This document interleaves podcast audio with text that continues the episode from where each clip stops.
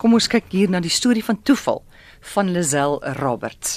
Partykeer gebeur dit in 'n in 'n gesin waar een van die kinders uitkom met 'n hoe sal mens sê 'n heeltemal 'n volksvreemde gewoonte of iets en mense wonder gits waar kom dit vandaan? En dan jare daarna aha maar hoe die kind dan geweet? In geval hier is een van daai stories Lazel sê my oudste seun hy's nou al 'n jong man het altyd hierdie vreemde fascinasie gehad met tale en wiskunde.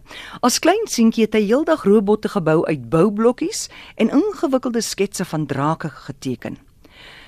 Maar vroeg reeds was hy behep met vreemde tale en hy het homself geleer om onder andere Italiaans te praat as klein seentjie. Ek het dikwels gewonder hoekom 'n kind hier op die suidpunt van Afrika juis Italiaans wou praat. Ek meen niemand in ons familie was Italiaans nie en was, ons was toe ook nog nie daar nie. Nou met ons jaarlikse Heraldsbaai see vakansie het hy toevallig vriende geraak met twee Italiaanse boeties. Hulle is toe nou omtrent die enigste twee nie-Afrikaanse kinders op die strand.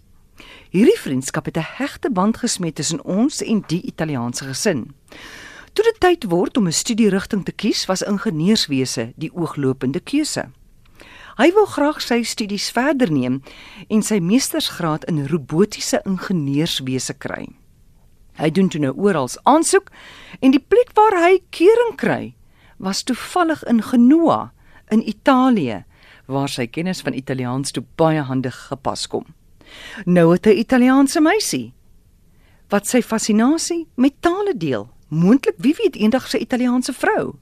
Nou wonder ek, is hierdie Italiaanse draad wat deur sy lewe strek slegs toeval of is toeval eintlik bestemming?